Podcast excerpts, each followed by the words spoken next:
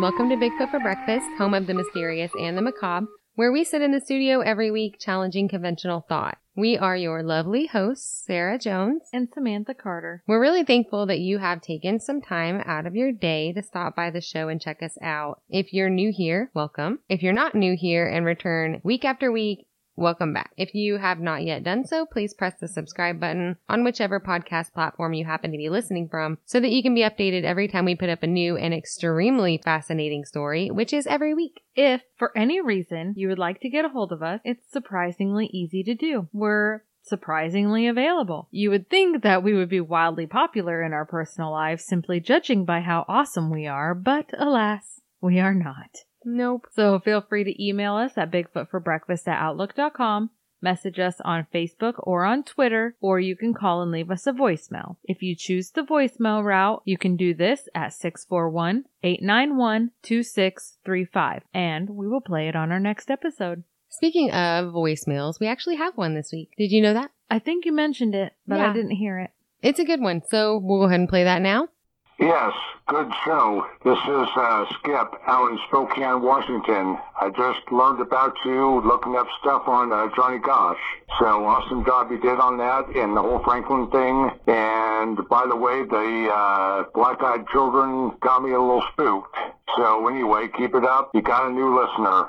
And I do have an episode uh, suggestion where I'm at out here by Idaho. There's a uh, story about a gal named Molly Be Damned in the uh, 1918 pandemic. And I won't say anything more, but you should do uh, research. It's a very interesting and cool story on her.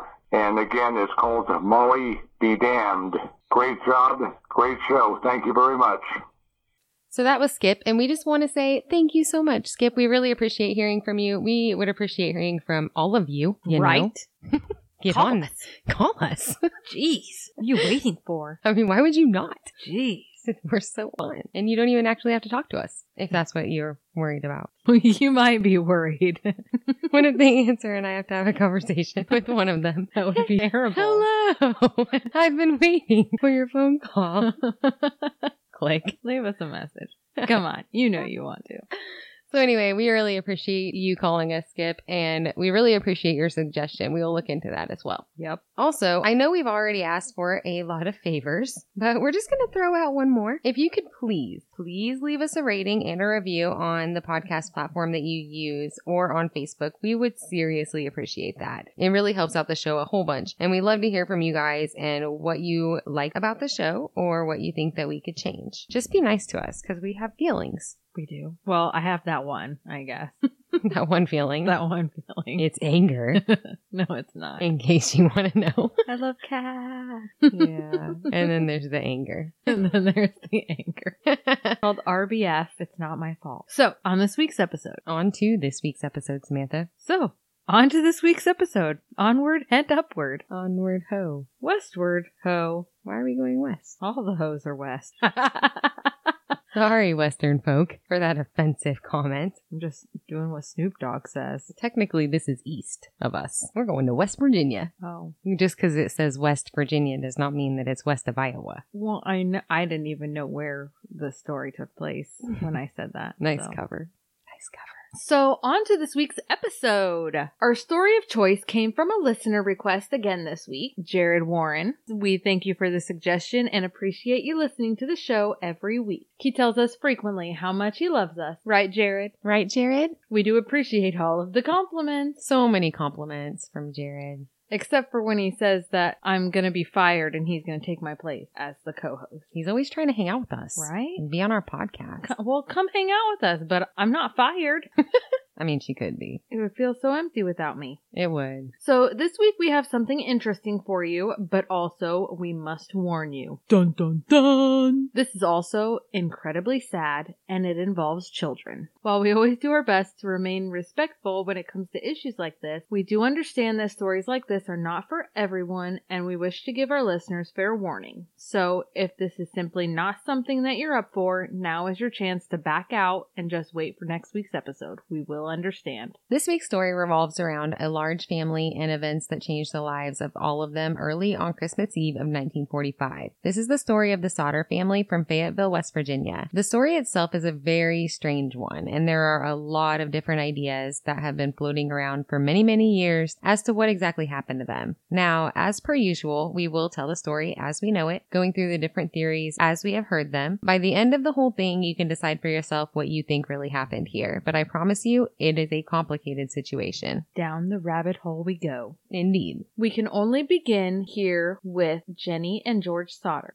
Jenny was born March 2nd of 1903 in Italy, moving with her family to the United States when she was very young. George was born on November 23rd, 1895, also in Italy, moving to the United States as a teenager. We read that he arrived to the United States via Ellis Island in New York with his brother who took a boat right back to Sardinia. Young George was left in America all by himself. He started off working on the railroad in Pennsylvania. He carried water and food down the line feeding the laborers. A few years later, he went on to work as a truck driver in West Virginia, but George was an ambitious guy, and it wasn't long before he bought a truck and started his own trucking company hauling coal around West Virginia. He met and married Jenny, and the couple lived together in Fayetteville, West Virginia, with their 10 children. John, Joseph, Marianne, George, Maurice, Martha, Louis, Jenny, Betty, and Michael. The kids ranged in age from 23 to age 5 at the time of this incident. The family was middle class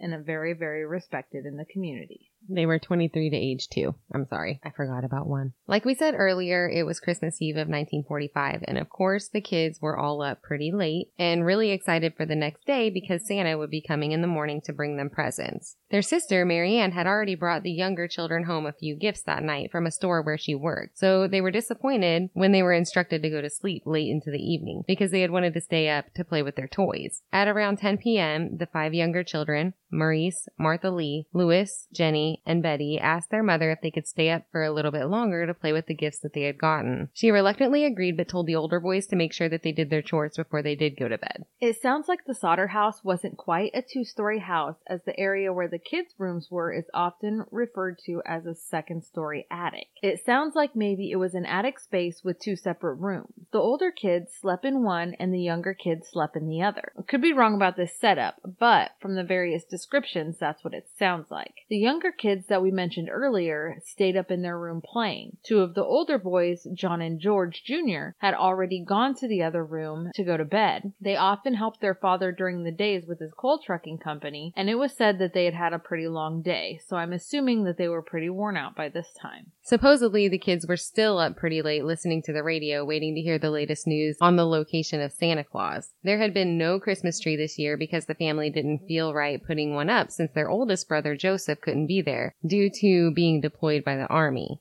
Marianne, who was a teenager at the time, had fallen asleep on the couch around midnight. Just shortly after this, at about 12:30 a.m., the telephone rang. Jenny was awakened by this and got up to answer it. She would later report that the caller was a woman. She could hear music in the background along with laughter. The woman asked for a man by name, someone who didn't live there at the house, so Jenny told the woman that she had the wrong number and hung up the phone, immediately heading back to bed. Before she got back to bed, though, she took notice of the house. She noticed that all of the lights were still burning, and oddly, the curtains were open on the window. So she went through the house and turned off all the lights and pulled the curtains. She checked the doors, like all of us moms do, and it was not locked to do so after finishing their nightly chores. I assumed that since this was noted a few times that she locked the door at this time, but from the different stories that I read, it's unclear whether she did for sure. While going through the house, she noted that Marianne was sleeping on the couch and she didn't hear any noise from upstairs, so she took that to mean that her excited younger children had finally drifted off to sleep in their attic bedroom. It doesn't sound like she went up to check on them because she probably didn't want to wake them up since it was so late. Jenny went on back to her first story bedroom and just started to drift back to sleep when she heard a weird noise. She would later describe the noise to sound something like a ball hitting a roof loudly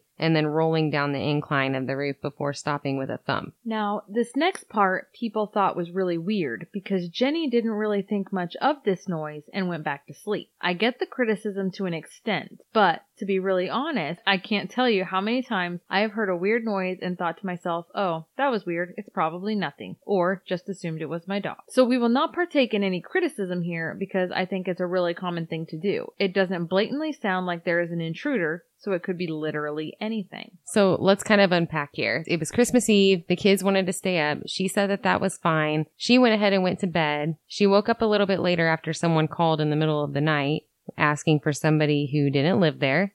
She hung up the phone, checked things out. The doors and curtains were all unlocked and open, and then she hears this weird noise. So, a few, you know, uncommon things going on in the night, but nothing too crazy yet. But this was obviously not one of those situations where there was nothing to worry about, because about a half an hour later, Jenny woke up again to her house filling up with smoke. Jenny and George rushed through the house, waking up what children they could by yelling from the bottom of the stairs for them to get out of the house because it was on fire. At some point, Jenny was looking for the source of the smoke, noting that it was coming from George's office as a corner of the room was engulfed in flames near the ceiling. The two oldest boys who were still living in the house, George Jr. and John, slept in the other attic bedroom, remember. Like we said before, there were just the two rooms in the upstairs attic. The five youngest kids slept in one while the two older boys slept in another. George and John were reported to have yelled for the younger children to get out of the house while running toward the stairs. They assumed that the children would follow and go outside. Jenny had also stated that she was unable to get up the stairs and that she stood at the bottom screaming for her children to exit the house because it was on fire. The family stood outside of the house after they had escaped the flames,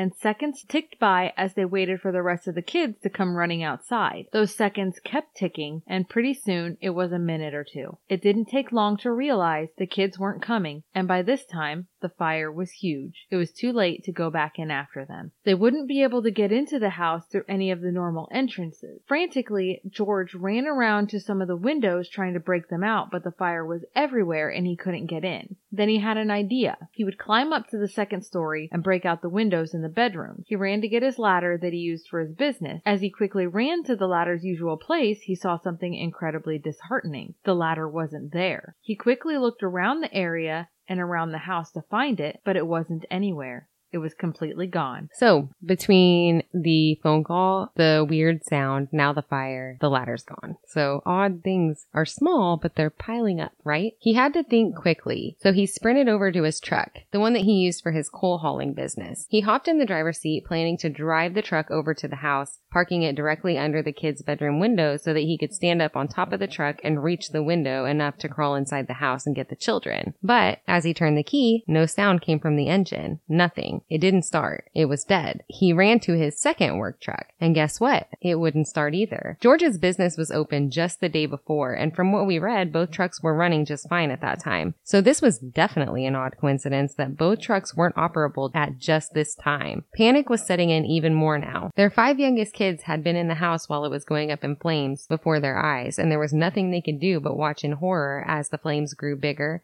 and the smoke poured from the windows of their home with their babies still inside. Keep in mind that this was the 1940s. At this time, the family couldn't just jump on one of their cell phones and call the fire department either. It sounds like they did have a home phone, but it was located in the house. More specifically, it was located in the office that seems to have been the first area of the house that was set on fire. The telephones at this time ran on the operator system where you would pick up the phone and speak to an operator telling them who you would like to reach. The operator would then connect the caller to the intended callee by ringing their phone and hanging up when it was answered. The Sodder's daughter, Marianne, ran to a neighbor's house to call for help, but was unable to reach an operator. I don't know if this was very common, not being able to reach an operator, so we can't really comment on whether or not that was one of the odd incidents piling up. In the meantime, a person who was driving by in a vehicle happened by the fire, and he saw the family standing out in the yard. They told the person what was going on, and the person hurried to a bar down the road to telephone the fire department too. He was also unable to reach an operator. The person left the bar, drove straight into town, stopping at another place. He called again, trying to reach the fire department, and this time he got through. He spoke to the fire chief, Chief Morris, who simply responded with, We know it. So, It was about 2 a.m. by the time the fire department was even notified that there was a fire in town, and the fire had started around 1 a.m. Here's another disheartening detail. Fire departments in the 40s also didn't operate the way they do now. Their response time was much, much, much longer. The fire chief, who was the only person in the station, was unable to drive the fire truck. Which does not make any sense to me. Why can't he drive the fire truck? I mean, I know now you have to have at least two people, which I imagine you can't run a fire truck without two people. Yeah, you can. Can you? Yeah, they're fine. I mean, But It's back hard, then, I wonder. but I don't know. a lot of running around, probably. But anyway, he said he couldn't drive it. They didn't have fancy pagers or mass dispatch text messaging. They didn't even have a siren. They had a phone tree. You remember phone trees? We're kind of going to age ourselves a little bit here, but we remember them. If a message needed to go out to a group of people, this is how they would do it back in the day. I remember having one for our basketball team. The first person on the tree would call two previously assigned people. Then each of those people would call two assigned people and then those people would call to assigned people, and so on until everyone had been reached and had gotten the message. This is how their fire department worked. The phone tree would make its way through the volunteers until enough people showed up at the fire station that they could go to the fire. Unfortunately, it only took about 30 or 40 minutes of pretty intense fire before the Sodders house was completely gone, along with their five kids. At the time when Chief Morris initially got the call, he was the only one at the station. Obviously, the fire truck takes a few men to run it, so he can't fight the fire by himself. Not only that, but it was Christmas Day now. I'm sure there were even fewer volunteers ready to jump out of bed on Christmas Day than usual. By the time all of this was said and done and the volunteer firefighters finally arrived at the Sodder house, it was about 8:30 in the morning, a good 7 to 8 hours after the fire started. There was pretty much nothing left of the house, and what was left was still smoldering. Even though the fire station was only a mere two miles from the Sodder house. After they got what was left of the fire put out, the fire chief, Chief Morris, went over to George and Jenny Sodder to speak with them. He told them that there were no remains found in what was left of the home. He told them, quote, they went through it as if with a fine tooth comb. So that's kind of weird, right? The family was sure that there were five children up there in the attic before the fire started. They didn't see any of them come out of the house while they were running around it while the fire was going on. They had to be in there, right? But the chief just told them that no remains were found. It would be pretty baffling. Not only was it strange for this family to have heard that their children were apparently not inside the home when it went up in flames in the middle of the night, there were also rumors circulating around town within a few days that the fire chief had told some folks that he actually had found remains in the smoldering rubble that morning. No bones, but he had told people that he found an organ. The opposite of what he told the family, and this fact was never reported to the county coroner. So why would he have said this? Oregon? Yeah, we get to that. Okay. Yeah.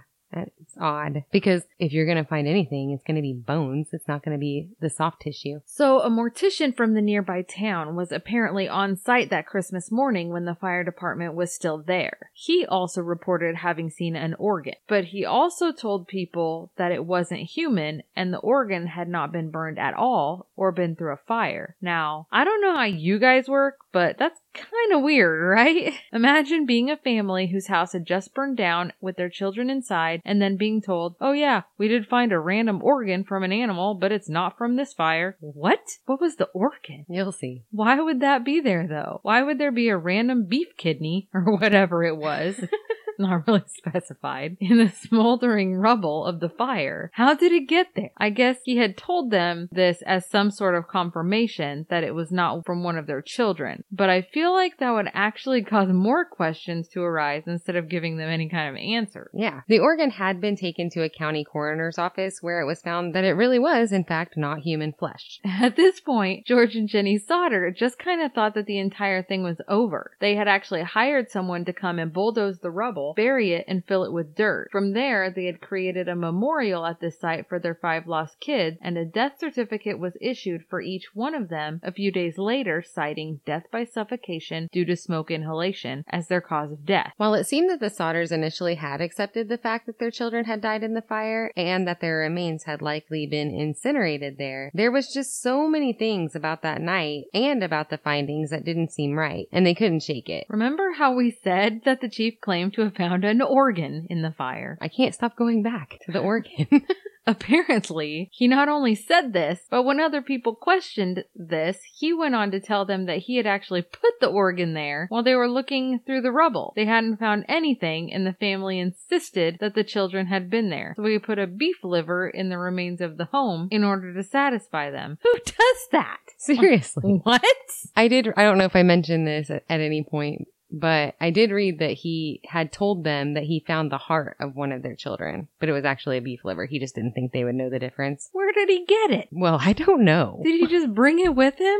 he had to have. I've got something in my front pocket for I'll you. leave this here. It's a piece of cow liver. Just seems so like it's just an odd thing to do, you know? Where did he get it? I imagine from a beef. I, I mean, who just brings that with them to a fire? It wasn't decomposed. Was it dinner? You know, it could have been from the fridge. That's really not less weird, but yeah, it's less weird. Slightly less weird. When the family had heard this, obviously, this not only weirded them out, but it also made them question why the fire chief would do this, just like we are right now. Who is this guy? Was he appeasing them or was he covering something up? Dun dun dun. Not only this, but they had kind of been asking around already as to what would have happened to the remains of their children in a fire such as this. Jenny had read a news article in the newspaper about another fire in which seven people had been killed. The fire had burned for a long time as well, and every one of their skeletons had been found. It sparked an interest because if this was so, why would no trace of her five kids been found in their fire? Nothing at all. That just seems odd. And I can't disagree with her. Nothing. Does that happen? You've done the fire thing. I've never found No. a body. There's never been a fatality. no.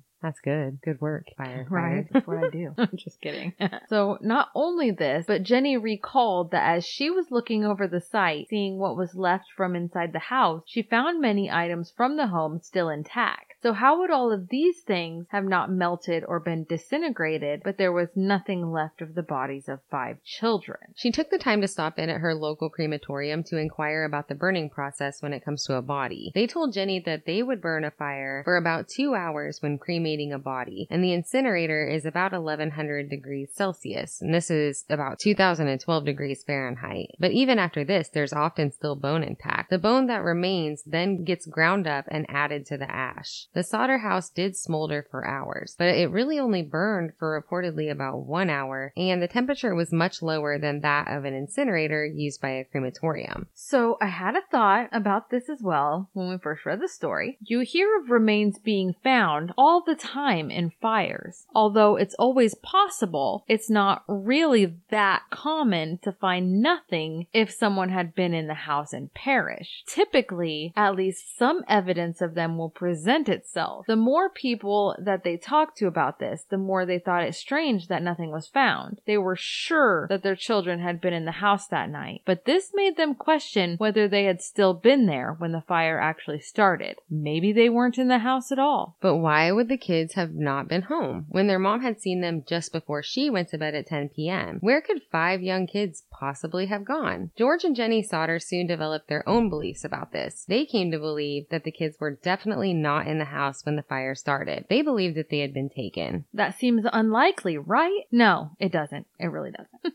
No. Well, that's what they were being told by authorities that their kids perished in the fire, and that's that. Many people had their theories here as to why the kids were not likely taken and had been in the home, and I agree with these. The fact that there were no remains found could either be chalked up to incredibly high temperatures in this particular house fire or shoddy investigating, which is fair, apparently, you know, since they're just leaving behind cow livers. I got to thinking about this later and it's like, well, either they just were that bad at their job because they're volunteers. You know, they're, it's the 40s. Training probably wasn't impeccable at that point. I guess I don't know. But also, this whole group of volunteers, it's Christmas Day. Did they just want to like hurry up and get through it so they could get back to Christmas? You know, you don't know this group of people. Were they just rushing it and thought, well, we'll just throw this liver in there and say, oh, that's it. We figured it out. So I don't know. It's possible. But when you put all the pieces of the puzzle together, the fact that no remains were found and the strange phone call received by Jenny Sodder at around 12:30, the odd sound that she heard like something rolling across the roof just before the fire started, the missing ladder from the house, the fact that both of George Sodder's previously operable trucks wouldn't start, their inability to get through to the fire station by telephone telephone. All of these things added up do seem inconceivably coincidental, but it still could be coincidental if there weren't more. Do we believe at coincidence here at Bigfoot for breakfast? Like that many of them? Ner. That's a nerve from me. Oh, and then, like I said, there's more. Just wait. Several more oddities surrounding the circumstances of the fire began to emerge with the Sodders' growing suspicion. The more George and Jenny Sodder thought about some little things leading up to that night and during and after the fire, the more they seemed to think they were putting together a very strange puzzle. George recalled speaking to an insurance salesman not long before the fire who wanted to sell him life insurance. George wasn't really interested and he blew the guy off. The insurance salesman had become angry, hastily yelling at George as though he didn't care about his family. The man yelled, Your house will go up in smoke and your children are going to be destroyed. Well, I do believe that is a pretty weird thing to say, even in the heat of an argument about life insurance. That would definitely have stood out to me if those events had indeed transpired like in this case. Shortly after a conversation like that, the insurance salesman, who was also an Italian man, also made a comment about George's political views regarding Italy and something along the lines of, quote, you're going to be paid back for all of those things you said against Mussolini. What? Right?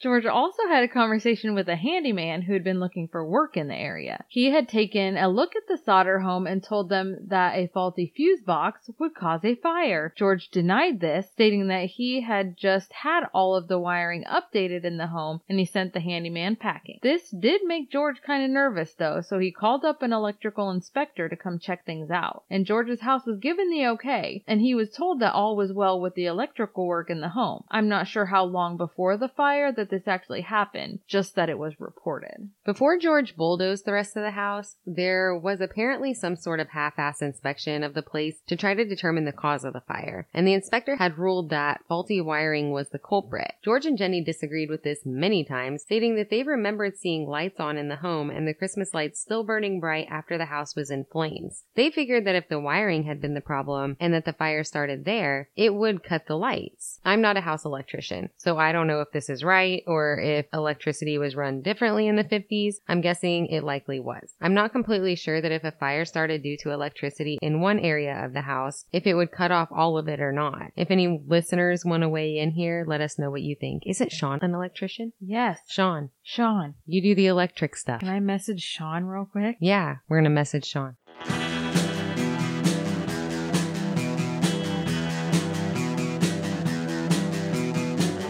You're listening to the Prescribed Films Podcast Network, home to hundreds of hours of free podcast entertainment. The shows on this network all have a common goal providing you with the best discussions about movies and other forms of entertainment media. The PFPN hopes to fill your earholes with audio joy. Visit our website with links to all the other amazing shows at www.thepfpn.com. Thanks for listening. Okay, so we're going to go ahead and call in some expert advice Phone on a friend. on this matter, phone a friend, and we're gonna we're gonna call in the Attitude Podcast Network. So we've got the Kiwi guys, we've got MWP, and Sean from the Kiwi guys is actually an industrial electrician, so he'll be able to weigh in on this, right? Give us some sage advice. I've seen some of the Snapchats of some of the like circuits that he works on, and there's some pretty. I'd say they're significantly more advanced than a 1940s house, So he'll know. but surely he'll know. He, he's got that. Sean, Sean, Sean, help us. we don't know. help us. We're stupid. we are not smart. we don't know the electric workings. we die by electric. You remember that time I stepped out of a hot tub and got electrocuted? Yeah, that was hilarious. that was horrible. I was wet and I couldn't move. I was just sitting there getting electrocuted. Everybody's like, why are you standing there? And I'm just like standing there getting electrocuted and I can't say shit. can't say shit. There ain't shit I can say about it. I might have peed in the pool. no, I'm just no, I really didn't. You but know you that did. would have been funny. I just peed.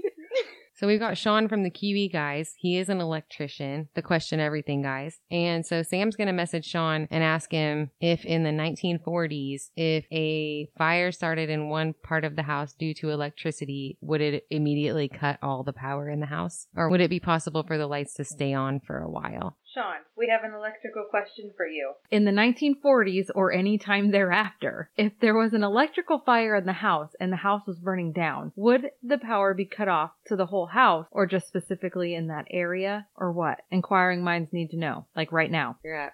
Um, they would kill the main power first of all, so it would be for the whole house. That's Sean from the Question Everything guys. Y'all just probably need to get out of there. I mean, honestly, that's that's all you really need to do. Thank you, Chris, MWP, From NWE Podcast. and Chach Rock. Oh, uh, well, it depends on how many circuits there are in the house, how many circuits are going in the breaker. But if it's centralized to one specific location, it would probably just kill it to that one area, unless the fire was by the panels. But if it was like in a room, like on the other side of the house, away from the panel, it would just kill the electricity to that specific part of the house. Oh, we got a response from Mick from the Question Everything guys. Yeah, my grandma used to tell me stories like back in the 20s and 30s. I think 30s is when they had their first light bulb. Like they had one light bulb in the house. So by the 40s, would they have like a light bulb and maybe two light bulbs? How the hell did that ever start a house fire? Well, you're from Louisiana, so. Thank no, I'm just kidding. Thank you, Mick. Thank you for that.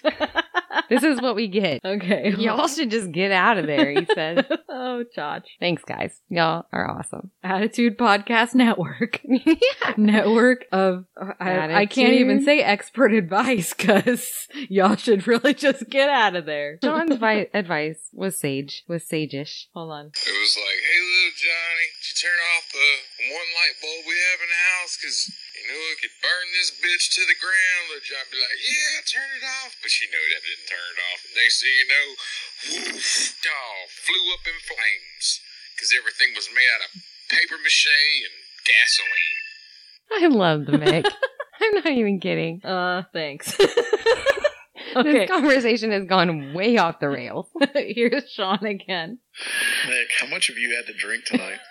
That's fair. Right? Pot roast. so we really just wanted to know about the electric, but we also got some entertainment in return, which is always great. so the odds are it didn't cut the power to the whole house. I mean, really, if it's, it sounds like if it started in a corner, it wouldn't be that weird for some of the power to still be on for a while. Which it was. yeah, but they were thinking it couldn't have been electrical because some of the lights were still on while the fire was burning. So that might be a, a wrong Yeah. assumption. But That's it's what it the sounds like. 1940s, so who knows? Yeah, I mean, we don't know. I mean, it sounds like it would be reasonable to think that maybe some of the power would have still been on. I think they were mostly thinking about the Christmas lights. The Christmas lights kept burning while the house was in flames. But if it was on a different circuit, like Sean said, maybe that's why. During this investigation of the remains of the house after the fire, a telephone repairman was present and he noticed that there was a phone line that appeared to have been cut deliberately. He stated that the wire had been cut, not that it had been burned in half. Why would there be a cut phone line here in the midst of all of this weirdness? And how would people just write something like that off? Or like the numerous other things that have happened. And people are like, Investigation is inconclusive. Here's your cause of death for your five children whose bodies are unaccounted for. right, that's what happened. What the?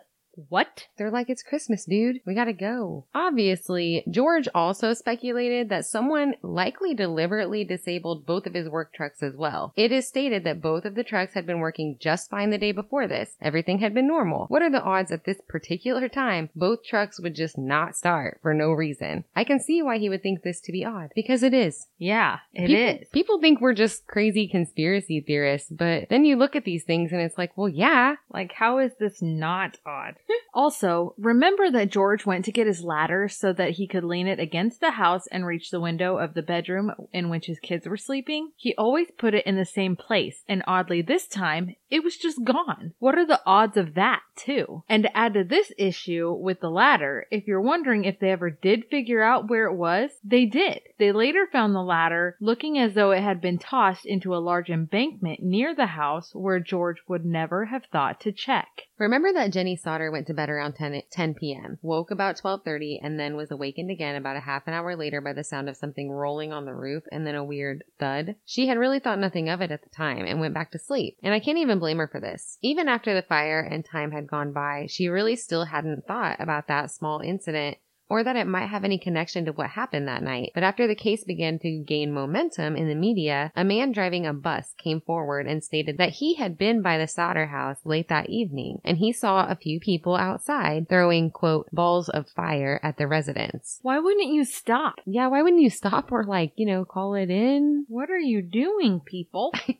know. People Quit seem throwing balls of fire at that house. people seem so nonchalant about these things. A few months later, the youngest of the Sodder children, Sylvia, who was two years old at the time, so where was she? Oh, Sylvia? She was sleeping with her mom and dad. Okay. And so they grabbed her and took her out. We didn't specify that. No, we didn't, but that's where she was. So she was playing outside at the site when she showed her parents a green rubber ball that she had found. George recognized it immediately. He stated that it was a pineapple bomb. I had never heard of a pineapple bomb before, so I took it straight to the Google. Straight to the Google. Worth a Google. Apparently, Google thinks I'm a giant alcoholic because I had to sift through 1,758 recipes for the pineapple bomb drink in order to find out that a pineapple bomb isn't actually a bomb, but a firework. And that's pretty much all of the information that I could find on those. But apparently, George recognized it as that, and I have no reason to dispute that because I have no idea what a pineapple bomb is or what one would look like. Apparently, it looks like a green rubber ball. They were used in World War II for something, but I don't know what. And then pretty much they were fireworks also in the States. So should we ask the Attitude Podcast Network? I don't think we should.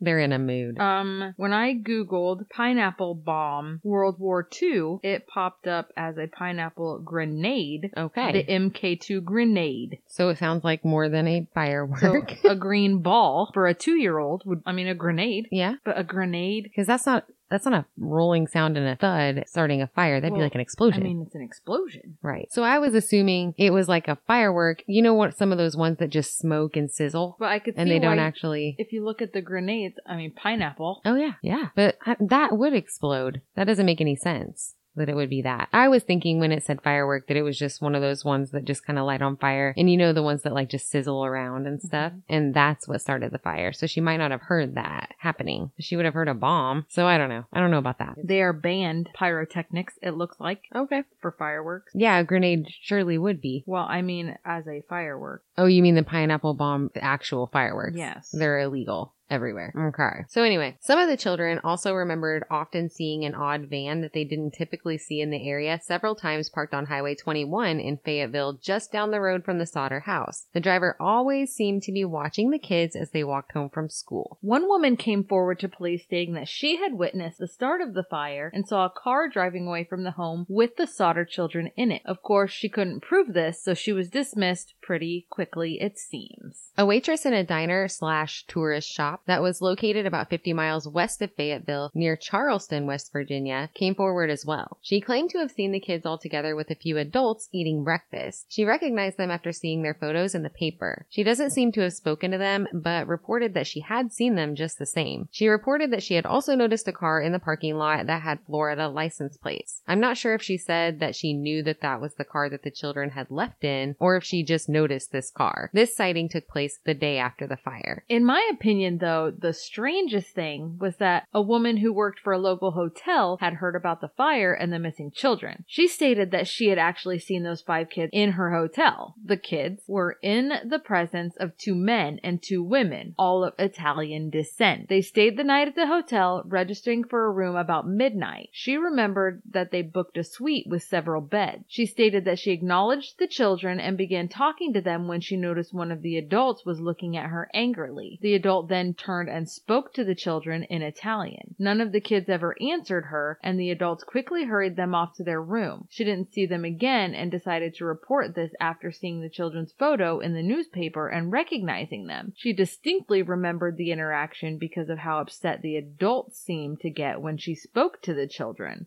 This sighting took place about a week after the fire, and they left early the next morning, only staying there to sleep a few hours. Some people on the interwebs really question this interaction, and it seems like this has a lot to do with the fact that it seems less believable that the children, being of Italian origin since both of their parents were Italian, would be kidnapped by other Italian people in America. That's what people are reasoning. Why that's unlikely, but I don't get it. And the fact that the kids understood Italian. But I guess I don't really find that to be so unbelievable since, like we said, both parents were from Italy and their parents most likely spoke Italian as their primary language. So I'm guessing that George and Jenny did as well. And I don't think it's too much of a stretch to think that the children likely spoke both English and Italian. Also, from what I can read, Fayetteville did have a pretty large Italian population. There was a lot of speculation that rose from this sighting. One of the dominant rumors going around was that the kids were taken by the Italian mafia due to the fact that their father George Sodder was a very, very vocal guy when it came to politics in Italy. He would openly speak out around town against the Italian leader Benito Mussolini, and it sounds like this ticked a lot of people off within the Italian community, especially some of the more prominent members. Tension was high all over the world during this time due to World War II, and this Italian community was no exception. It wasn't unusual to see him in a heated political debate with people around town. He was very outspoken about his feelings regarding the Italian leader, and not a lot of people appreciated that, and some really took it to heart. Two years after the fire, George and Jenny sent a letter to the FBI asking for their help in finding out what happened to their children, for sure, and they received a reply back from the office of J. Edgar Hoover. The letter stated the following, quote, Although I would like to be of service, the matter related appears to be more of local character and does not come within the investigative jurisdiction of this bureau. The letter went on to say that they would be willing to help out with the investigation, but that they needed the investigating officials who were already on the case to ask them to join in on the investigation. When approached about this by the Sodders, the Fayetteville police denied assistance from the FBI. George and Jenny Sodder decided to go another route. They hired a private investigator by the name of C.C. Tinsley to help them, and he dug up a few strange clues himself. Remember the insurance salesman who got super mad at George when he didn't want to buy his life insurance? The one who claimed that his children would be destroyed when his house burnt down? And then it did? Well, he was one of the investigators for the fire department who ruled the fire to be due to faulty wiring even though the Sodders were sure that this was not the case. He was also the one who asked around town and discovered that Fire Chief Morris was the one who hid the random cow liver in the rubble, dug it up, and claimed it to be the heart of one of the children. Again, we return to the question, why would Chief Morris have done this? He had admitted that he had just done it to appease the family into accepting that their children had died in the fire. But why? Did he seriously just not want to mess with investigating due to pure laziness? Or was there something more that he was hiding? We talked about the rumors around town that the Italian mob or someone like that had been involved in the taking of the children and burning down of the Sodder home. There was also rumors that the police and the fire chief were in the pocket of said mafia, and he did this to stop further investigation to help them out. The Sodders were so convinced that their children had been taken and that they were still alive that George even made a long trip to New York City after seeing a photo in a newspaper of a group of school children there. One of the girls looked just like his daughter Betty. He was so sure that it was her that he resolved to go straight to NYC to get her. He arrived there only to find that this young girl was not his daughter and he was promptly sent away by the girl's father. What a long, heartbreaking drive home. I can't imagine what this family was going through having lost five children and dealing with all of the confusion surrounding it. Four years after the fire, George and Jenny Sodder hired a man named Oscar B. Hunter Jr. to excavate the site to see what he could find. Hunter was a pathologist from Washington, D.C. with a very good reputation. Upon excavation, Hunter did find something, some bone. Finally, maybe some answers here. It was four pieces of vertebrae and it was definitely human. The vertebrae were immediately sent to the Smithsonian for testing. The Smithsonian. Uh huh. And they disappeared. they promptly disappeared.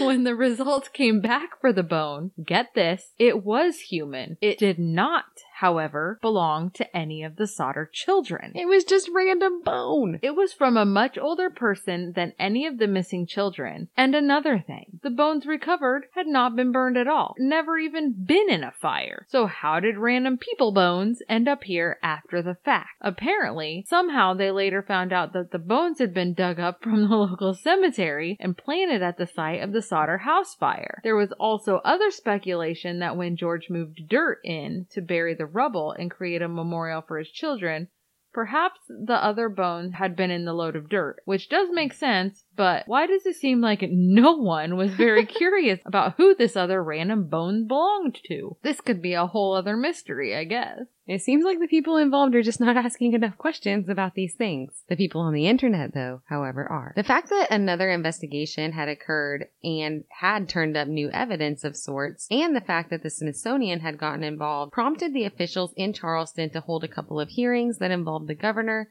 Okey L. Patterson, and the state's police superintendent. By the end of the hearing, the men told the Sodders that they might as well quit their search because it was hopeless. They closed the case then and there. The Sodders were likely pretty downtrodden by this, but it seemed to have just made them angrier because directly after this, they erected what seems to be a pretty big billboard along Route 16 outside of Fayetteville. It had all five of the missing children's photos on it, along with their age, name, and other small details about each of them. It also has a little bit written on it about what they think happened to their kids. They went on to also post ads in the newspaper and hand out flyers about the children and offered a $5,000 reward, which later turned into $10,000 reward for any information that would lead them to their missing kids. Of course, leads came in due to the reward money. People would call claiming that they knew where the kids were or that they had overheard someone talking about the kids and what happened to them. George went and investigated each and every one of them, no matter the distance, always coming back empty handed. The community was also just as devastated by the loss of these kids. Obviously, many people within the community stood behind the Sodders, and they didn't want to believe that the children perished in the fire either.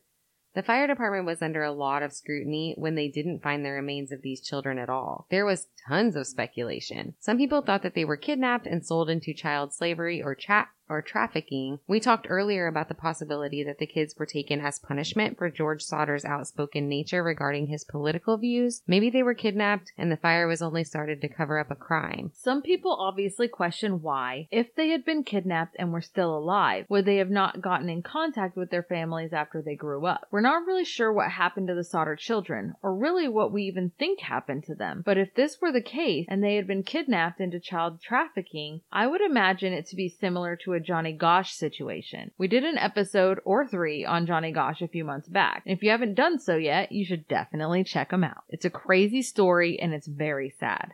A lot of people thought that Johnny never really came back to his mother because all of his life since he had been taken, he was told that if he did, she would be killed. So he always thought it was better to stay away from his family. I wonder if the Sodder children are still alive if it was a situation similar to this one. 22 years after the fire in 1967, Jenny received an envelope in the mail. Upon opening it, she noted just one item. It was a photo of a man. Kinda weird, right? But Jenny recognized him immediately as being her son Lewis. She turned the photo over to reveal writing on the back. It simply said, Lewis Sodder, I love brother Frankie, I Leo boys, A90132. This message was a little confusing because Lewis had no brother, Frankie. It, I did look at both photos as anyone can do on the internet, and I have to agree that there are some striking resemblances. So, in order to follow up on this lead, since they didn't know where it came from, they hired a second private investigator to figure it out. They sent him to Kentucky since this is where the postmark said it came from. They gave him some money and then never heard anything back from him. It sounds like he pretty much took their cash and made a run for it, which is pretty freaking terrible. Or maybe he was murdered. Who knows? Only one year after receiving the photo, George Sodder passed away. Jenny took to full blown mourning, it seems. It's said that she put up a fence around her entire house after George died and added onto her house continuously, room after room, in order to put more distance between herself and the outside world. She had only worn black since the fire and did so until the day of her death 21 years after her husband's. They took her billboard down after she passed. It had stood on the side of the highway for 40 years. So, both parents died, not being sure what happened to their kids.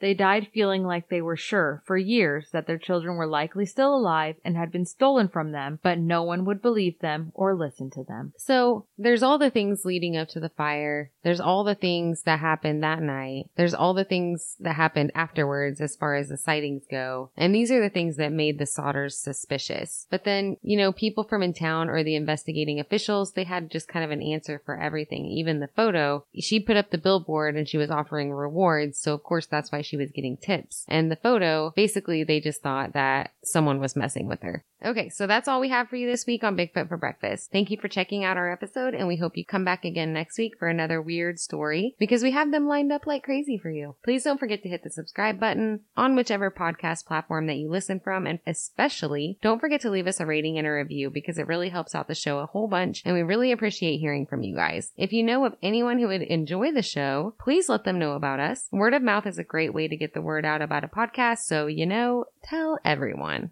Also, tweet us. And you can tweet us. Totally tweet us. What is it called? Like retweeting? You can like retweet us? Retweet our tweets. I don't know how to Share us. twit. A lot of people on Twitter are asking for recommendations. Give them recommendations Yeah, do that. and tag us in it. If for some reason you wish to contact us, you can leave us a message on Facebook or Twitter. You can email us at bigfootforbreakfast at outlook.com or you can always give us a call and leave a voicemail at 641-856-2635 and we'll play it on the air. Thanks again for listening and until next week, adios.